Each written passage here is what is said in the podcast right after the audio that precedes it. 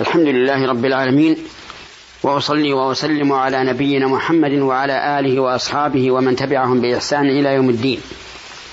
أما بعد أيها المستمعون الكرام نبتدئ هذه الحلقة بما انتهينا إليه في الحلقات السابقة وهو قول الله تبارك وتعالى تولج الليل في النهار وتولج النهار في الليل وتخرج الحي من الميت وتخرج الميت من الحي وترزق من تشاء بغير حساب.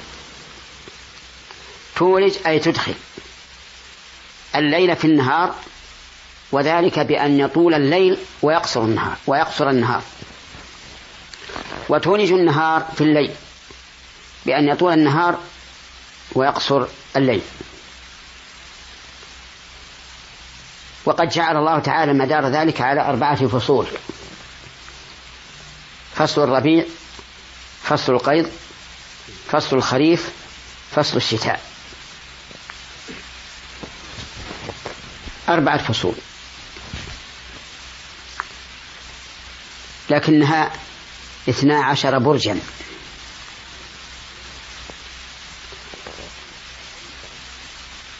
يطول الليل في أيام الشتاء ويطول النهار في أيام القيد ولا أحد يستطيع أن يزيد دقيقة واحدة في الليل أو في النهار أو ينقص دقيقة واحدة. وإنما ذلك إلى الله عز وجل الذي هو على كل شيء قدير. وتخرج الحي من الميت. يشمل هذا النبات والحيوان. أما النبات فها هي الحبة حبة القمح. يابسة. لا تنمو. فإذا بذرت في الأرض حيت ونمت. وكذلك النواة للنخلة. يابسة. لا تنمو. فإذا بذرت في الأرض نمت. وصارت نخلة. وفي الحيوان أيضا الدجاجة تخرج منها البيضة. ميتة لا تنمو. ثم تعود البيضة فرخا. حيا ناميا. فيخرج الحي من الميت الفرخ من البيضة والميت من الحي الدجاجة من البيضة من الدجاجة. ولا أحد يستطيع هذا. وربما نقول إن معنى الآية أشمل من ذلك. فنقول إن المراد بالحي هنا حي القلب. الذي آتاه الله علما وإيمانا. والميت ميت القلب. الذي لم يوفق لعلم ولا إيمان. فأبو إبراهيم الخليل. على إبراهيم الخليل السلام. أبوه كان مشركا. تبرأ منه ابنه إبراهيم لما تبين له أنه عدو لله. وابن نوح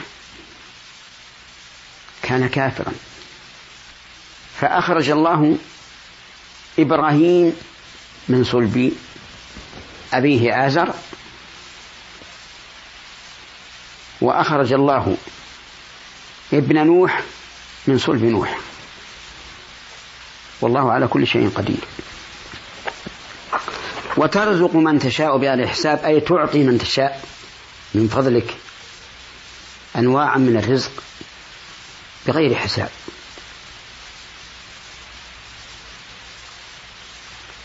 وربما يرزق الله المرأة من حيث لا يحتسب كما قال الله عز وجل ومن يتق الله يجعل له مخرجا ويرزقه من حيث لا يحتسب. ولا أحد يملك ما ذكر إلا الله وحده عز وجل.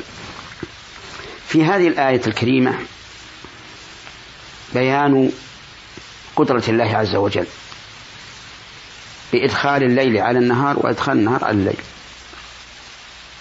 وهذا لا يستطيعه أحد. وفيها أيضا بيان قدرة الله تعالى من وجه آخر. وهو إخراج الحي من الميت وإخراج الميت من الحي.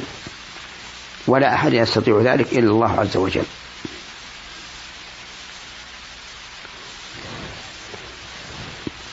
فالله تعالى يقلب الظلمة نورا إذا أدخل النهار على الليل. والنور ظلمة إذا أدخل الليل على النهار. ومن أحكام هذه الآية أن العطاء والفضل من الله وحده وأن ذلك راجع إلى مشيئة الله. لقوله وترزق من تشاء بغير حساب. ومنها إثبات المشيئة لله في قوله من تشاء ولكن اعلم أيها الأخ المستمع أن مشيئة الله تعالى ليست مشيئة مجردة عن حكمة بل مشيئة الله تبارك وتعالى تابعة لحكمته. فإذا كانت حكمة الله تقتضي إيجاد الشيء أوجده الله وإذا كانت تقتضي إعدامه أعدمه الله وإذا كانت تقتضي تغييره غيره الله لأنه سبحانه على كل شيء قدير.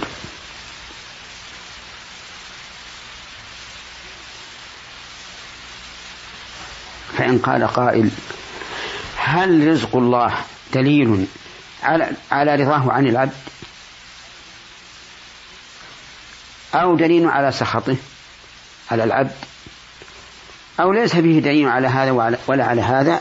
فالجواب إن كان العبد مقيما على معصية الله فإن رزق الله له استدراج يملي له حتى إذا أخذه لم يفلته. كما قال الله عز وجل سنستدرجهم من حيث لا يعلمون وأملي لهم إن كيدي متين. وقال النبي صلى الله عليه وعلى آله وسلم إن الله لا يملي للظالم حتى إذا أخذه لم يفلته. وتلا قوله تعالى وكذلك أخذ ربك إذا أخذ القرى وهي ظالمة إن أخذه أليم شديد. فإذا رأيت أن الله أغدق لك الرزق في الأموال والأهل والبنين والجاه وما أشبه ذلك وأنت مقيم على معصيته فاعلم أن هذا استدراج وأن مآلك الخسارة والهلاك والشقاء. وأما إذا كان رزق الله عز وجل مع استقامة الإنسان على دين الله فهذا دليل على رضا الله على العبد. دليل هذا قول الله تعالى وإذ تأذن ربكم لئن شكرتم لأزيدنكم ولئن كفرتم إن عذابي لشديد. وفي الحديث القدسي من وجد خيرا فليحمد الله ومن وجد سوى ذلك فلا فلا يلومن إلا نفسه. انتبه يا أخي المستمع لنفسك إذا رأيت الله أغدق عليك النعم فانظر ماذا تقابل هذه النعم. أتقابلها بالعصيان فهذا استدراج. أم بالشكران فهذا زيادة وفضل. أسأل الله تبارك وتعالى أن يجعلنا جميعا من الشاكرين على النعماء الصابرين على البلواء وأن يهب لنا منه رحمة إنه هو الوهاب. والحمد لله رب العالمين. وصلى الله وسلم على نبينا محمد وعلى آله وأصحابه ومن تبعهم بإحسان إلى يوم الدين. وإلى حلقة قادمة إن شاء الله. والسلام عليكم ورحمة الله وبركاته.